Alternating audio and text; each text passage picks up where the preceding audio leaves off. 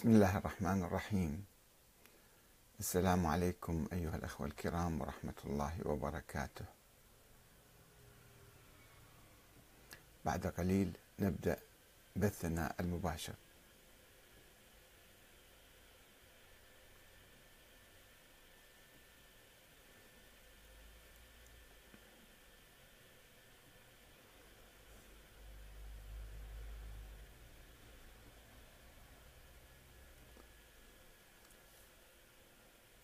بسم الله الرحمن الرحيم.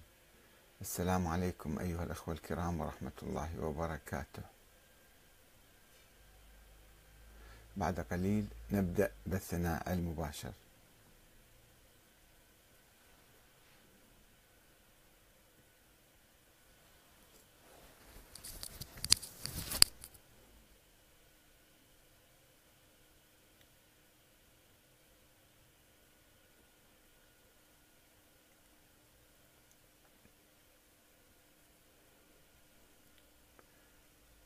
بسم الله الرحمن الرحيم.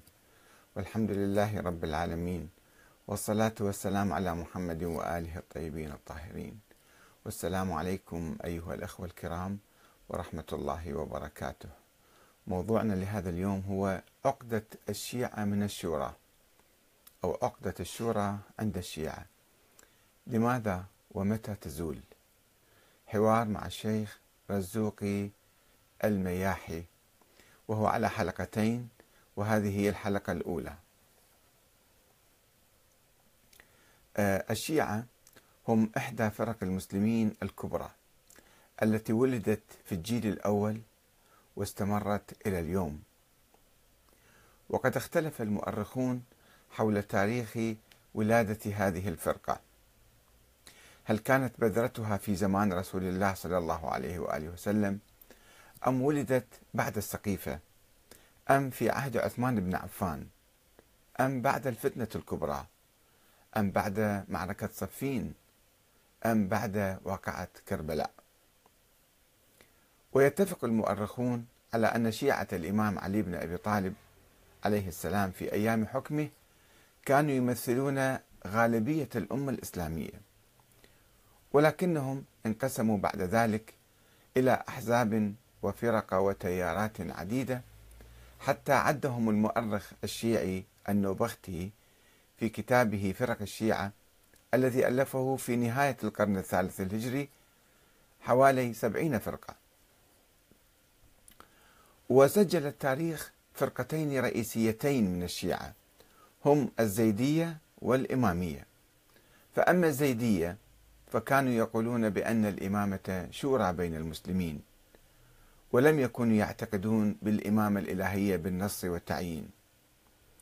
وأما الإمامية فإنهم قالوا بأن الإمامة من الله وأنها امتداد للنبوة واشترطوا العصمة والنص في الإمام. يعني في أي رئيس يعني أي رئيس يأتي يجب أن يتمتع بهذه الصفات. كما اشترطوا توريثها بصورة عمودية في سلالة علي والحسين إلى يوم القيامة. وانقسم الشيعة الإمامية إلى قسمين رئيسيين. هما الإسماعيلية الذين أقاموا الدولة الفاطمية في القرن الرابع الهجري والاثنى عشرية الذين قالوا بوجود ولد للإمام الحسن العسكري في منتصف القرن الثالث الهجري وأنه غاب منذ ولادته ولا يزال غائب وأنه المهدي المنتظر وسوف يظهر في المستقبل. ونتيجة لاعتقاد الشيعة الإمامية الاثنى عشرية بوجود الإمام المعصوم المعين من قبل الله تعالى فقد حرموا الثورة وإقامة الدولة في عصر الغيبة. ولكنهم تخلوا عن عقيدة الانتظار في العقود الأخيرة وفجروا ثورة شعبية عارمة ضد الشاه الإيراني السابق وأقاموا الجمهورية الإسلامية الإيرانية بقيادة الإمام الخميني سنة 1979 وبعد ذلك التاريخ بربع قرن تقريبا أقاموا جمهورية ديمقراطية في العراق كما شكلوا أحزابا ومنظمات سياسية وعسكرية لمقاومة المستبدين والصهاينة المحتلين والمستعمرين هنا وهناك وربما يقيمون لهم في المستقبل دولا أخرى. وينتخبون حكاما لا علاقة لهم بنظرية الإمام الإلهية ولا تتوفر فيهم شروط العصمة والنص والتعيين الإلهي والسلالة العلوية الحسينية. وإنما ستقوم دولهم الحديثة وتقوم حاليا على نظرية الشورى أو الديمقراطية أو ولاية الفقيه على قاعدة الدستور كما هو واضح في إيران والعراق. وهذا في الحقيقة يشكل تطورا إيجابيا كبيرا. نقل الشيعة من حالة الكمون والانتظار السلبية إلى حالة الفعل والحيوية والمشاركة السياسية. وفي نفس الوقت فإنه أزال عامل الخلاف الرئيسي التاريخي بين الشيعة والسنة وهو الخلاف الكبير حول الإمامة والحكم وشروط الحاكم وما إلى ذلك. مما أدخل المسلمين بصورة عامة في حالة من الوحدة العملية والواقعية بعيدا عن الأسماء والمسميات التاريخية. بحيث يصح أن نقول أن المسلمين اليوم لم يعودوا سنة ولا شيعة وإنما أصبحوا مسلمين ديمقراطيين. وفي الوقت الذي ينبغي أن يصرف المسلمون ولا سيما علماء الدين جهودهم من أجل تطوير التجارب الديمقراطية المعاصرة وإنضاجها وإصلاحها فإن بعض المشايخ لا يزالون يتشبثون بالفكر السابق القديم البائد ويعيشون مرارة إخفاقات التجارب التاريخية الأولى ويتخذون موقفا سلبيا من نظرية الشورى ويبذلون جهودا مستميتة لنقض نظرية الشورى. وإثبات صحة نظرية الإمام الإلهية غير موجودة حاليا رغم انقطاعها منذ أكثر من ألف عام على فرض تبني أئمة أهل البيت لها وعلى فرض صحتها. ومن هؤلاء المشايخ الشيخ الفاضل حسين رزوقي المياحي أحد علماء الدين الشيعة في البصرة الذي كتب في الرد علي منتقدا نظرية الشورى قائلا أحاول أن أستجلي حقيقة الشورى المزعومة التي يروج لها أحمد الكاتب حتى بلغ حد الهوس والهستيريا.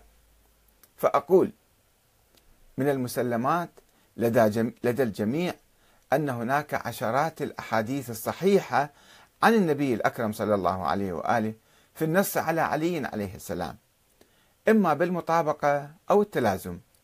وكذلك الآيات الكثيرة التي دلت على مفهوم الإمامة ووجوب طاعة ولي الأمر. فضلا عن آيات أخرى ورد تفسيرها بخصوص علي عليه السلام.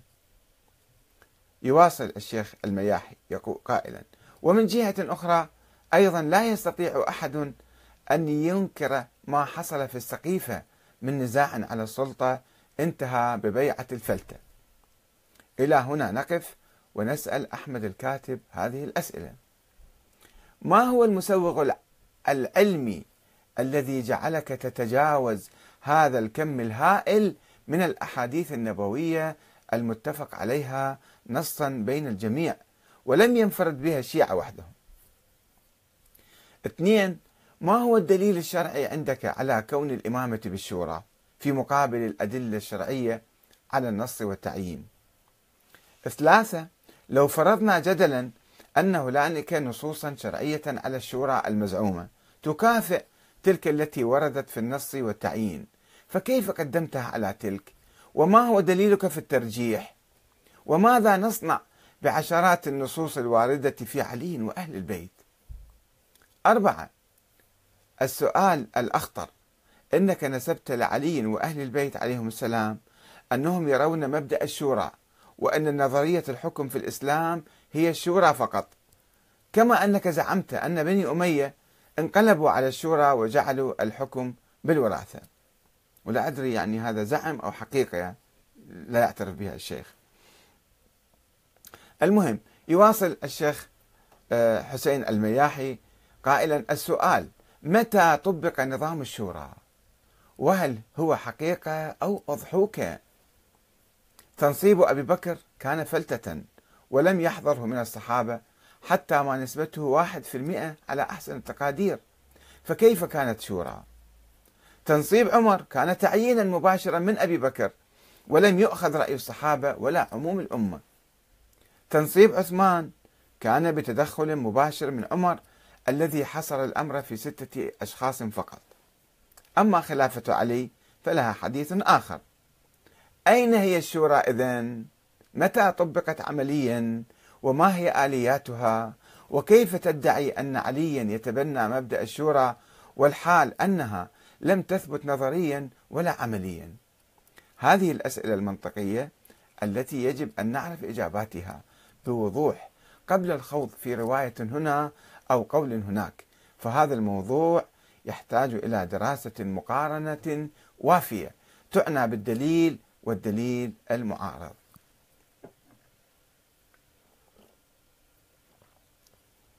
وأقول للشيخ حسين المياحي حفظه الله أحسنت وبارك الله فيك. أنا ابن القرن الخامس عشر الهجري أو القرن الواحد والعشرين الميلادي. وسواء كنت شيعيا أؤمن بنظرية الإمام الإلهية أو لم أكن فإني لا أجد أمامي اليوم سوى نظرية الشورى أو الديمقراطية. وأن الشيعة اليوم قبل غيرهم طبقوا ويطبقون الشورى سواء في جمهورية ولاية الفقيه في إيران أو في الجمهورية العراقية. فلماذا يجب أن أعاد الشورى وأنتقدها لأنها طبقت بشكل سيء قبل أربعة عشر قرنا بعد وفاة رسول الله مباشرة؟ على فرض صحة ما تقول. مع أن الإمام علي انتخب بواسطة الشورى وكذلك ابنه الإمام الحسن وأخوه الإمام الحسين الذي بايعه أهل العراق طواعية ولم يفرض نفسه عليهم بالقوة كما فعل آه، معاوية بالنسبة ليزيد. ولكن الجيش الأموي أسقط نواة الدولة الحسينية وقتل الإمام الحسين في كربلاء. وإنني عندما أقرأ تاريخ أهل البيت وسيرتهم وأقوالهم أجدهم يؤمنون بالشورى طريقا شرعيا وحيدا لاختيار الإمام. وأجد الإمام علي بن موسى الرضا يروي عن آبائه عن رسول الله أن من اغتصب الأمة أو من غصب الأمة أمرها ووليها من دون مشورة فاقتلوه فقد أذن الله ذلك كما يروي الشيخ الصدوق في عيون أخبار الرضا. وأجد في التراث الشيعي في الكافي وغيره أحاديث منسوبة إلى أئمة أهل البيت بأنهم منصوبون ومعينون من قبل الله. ولكني عندما أسأل عن كيفية القول بإمامة زين العابدين مثلا لا أعثر على نص أو وصية بالإمامة. لا من الإمام الحسين ولا من قبل الإمام الحسين. أو حصر الإمامة في أولاد الحسين. وإنما أجد فقط رواية أسطورية تقول أن الحجر الأسود في الكعبة الحجر الأسود سلم على زين العابدين بالإمامة. ولم يسلم على عمه محمد بن الحنفية الذي كان ينافسه وينازعه في الإمامة. عندما احتكم احتكم زين العابدين مع عمه محمد بن الحنفية فحكم بينهما بأن تكلم بلسان عربي فصيح بصورة إعجازية. وهذه قصة أسطورية لا أستطيع أن أبني عليها عقيدة دينية وأقول أن الإمامة في زين العابدين وفي ذريته من الله إلى يوم القيامة.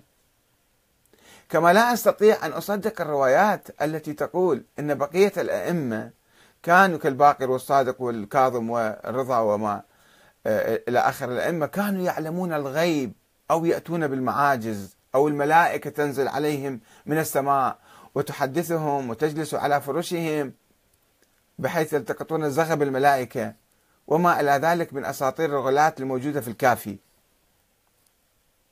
وهذا ما دفعني إلى الاعتقاد بأن نظرية الإمامة الإلهية ليست نظرية أهل البيت وإنما هي من صنع الغلاة والمتكلمين وإنها واجهت عقبات كأداء لدى مولدها في القرن الثاني الهجري في أيام الإمام الصادق وبعد وفاته.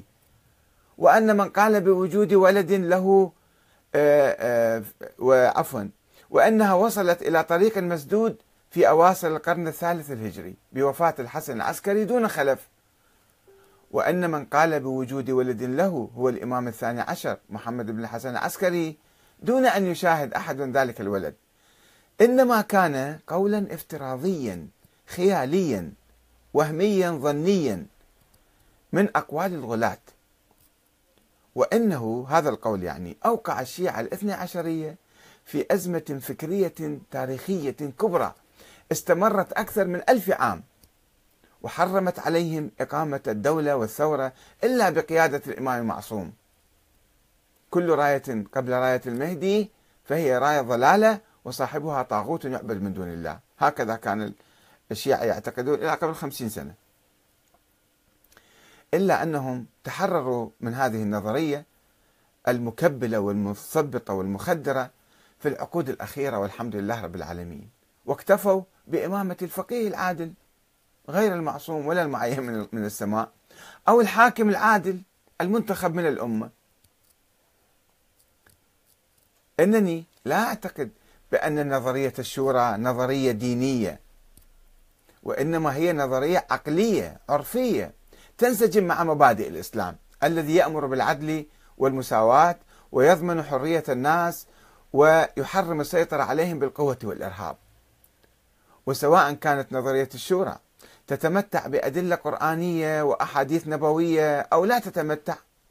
فإن النظرية الوحيدة الموجودة على الساحة منذ مئات السنين على الأقل بعد انهيار نظرية الإمامة الإلهية أو انسحابها من حلبة المصارعة ولست بعد ذلك بحاجة إلى الاستدلال على نظرية الشورى بأي دليل نقلي.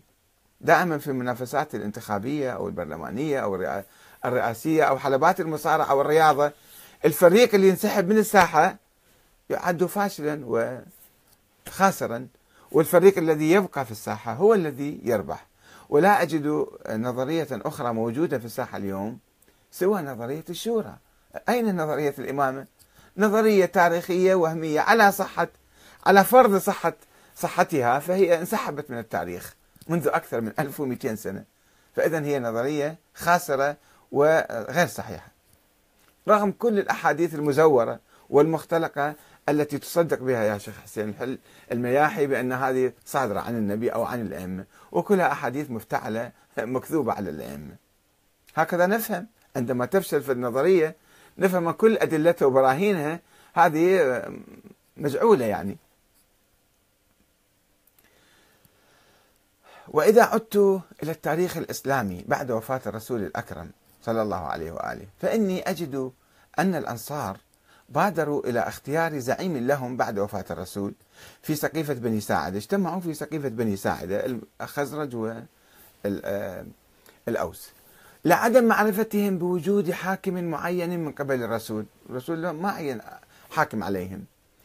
ثم جاء المهاجرون وتجادلوا معهم وأقنعوهم بضرورة اختيار الحاكم يعني الإمام أو الخليفة من المهاجرين القرشيين لأن العرب لا تقبل بإمامة الأنصار ويمكن يقبلون بإمامة قريش. وبصعوبة أيضا فرضوا سلطتهم على الناس العرب يعني القبائل العربية. لأن الأنصار كانوا قبيلة صغيرة وغير محترمة كثيرا في الجزيرة بينما قريش كان لها تاريخ روحي وتاريخ سياسي وعلاقات وكذا كان من الأسهل أن يقبلوا فقال أبو بكر بأن الخلافة في قريش ولم يقل هذا حديث عن النبي وإنما قال العرب ما تقبل بغير قريش. وانتخبوا أبا بكر وبايعوه في السقيفة ثم جاءوا إلى المسجد فبايع المسلمون أبا بكر. ثم عين أبو بكر عمر صحيح ثم عين عمر الشورى الستة القرشيين فقط. هذا أيضا صحيح. وقد حدثت أخطاء في عملية الاختيار والتعيين. لا نقول أنهم كانوا معصومين أبو بكر وعمر وعثمان ولا أنهم اتبعوا نظاما معينا من السماء موجود. لا حسب العرف وحسب العادة والتقاليد أصابوا وأخطأوا. لعدم وجود دستور ينظم تبادل السلطة بشكل سلمي ويعين صلاحية الحاكم وطريقة انتخابه ومن ينتخبه وما هي حقوق المنتخبين ومجلس الشورى يراقب. هذا الدستور ما موجود ما كان موجود بعد التجربة بدائية بسيطة ما متطورة. ويوضح حقوق الناس ومن يشارك في الشورى ومن لا يشارك. وهذا ما أدى عدم وجود الدستور هذا ما أدى إلى الفتنة الكبرى واقتتال الصحابة بعد ربع قرن من وفاة الرسول. وإذا كانت تجربة الصحابة في الشورى ناقصة وغير مثالية وفلتة كما تقول وقال عمر عنها أيضا فإنها لا تعني بأن الشورى كنظرية إنسانية عقلية عرفية خاطئة ومرفوضة إلى يوم القيامة. طيب الجماعة أخطأوا انتخابات ديمقراطية ومزيفة كانت وفاشلة كانت. لا يعني أن الديمقراطية في كل العالم وعلى مدى التاريخ تصبح نظرية باطلة. إذا صار خطأ في تطبيقها في يوم من الأيام وفي فترة من الزمن. وإذا كانت تجربة الصحابة في الشورى ناقصة وغير مثالية فإنها لا تعني بأن الشورى كنظرية إنسانية عقلية عرفية خاطئة ومرفوضة إلى يوم القيامة. والدليل على ذلك التزام الشيعة الإمامية بها اليوم. فلماذا نصر على انتقاد الشورى لأن السلف لم يطبقها بصورة جيدة قبل 1400 سنة؟ ولماذا نتخذ منها موقفا عدائيا في الوقت الذي نطبقها في العراق وإيران؟ ولماذا لا نصرف جهودنا لتطوير تجاربنا السياسية الديمقراطية المعاصرة حتى تؤتي أكلها بشكل أفضل وأجود؟ فيها ثغرات نعم. الآن التجربة الديمقراطية في إيران والعراق فيها ثغرات فيها أخطاء. من يقول لا؟ نعم فيها أخطاء. ولكن علينا أن لا نلغي هذه التجربة.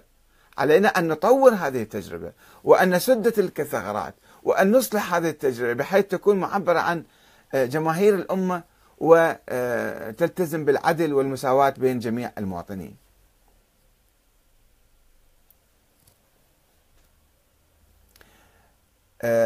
إذا أكتفي بهذا القدر هنا بهذا القسم وسوف آه، أكمل القسم الآخر القسم الثاني في حلقة أخرى إن شاء الله. والسلام عليكم ورحمة الله وبركاته.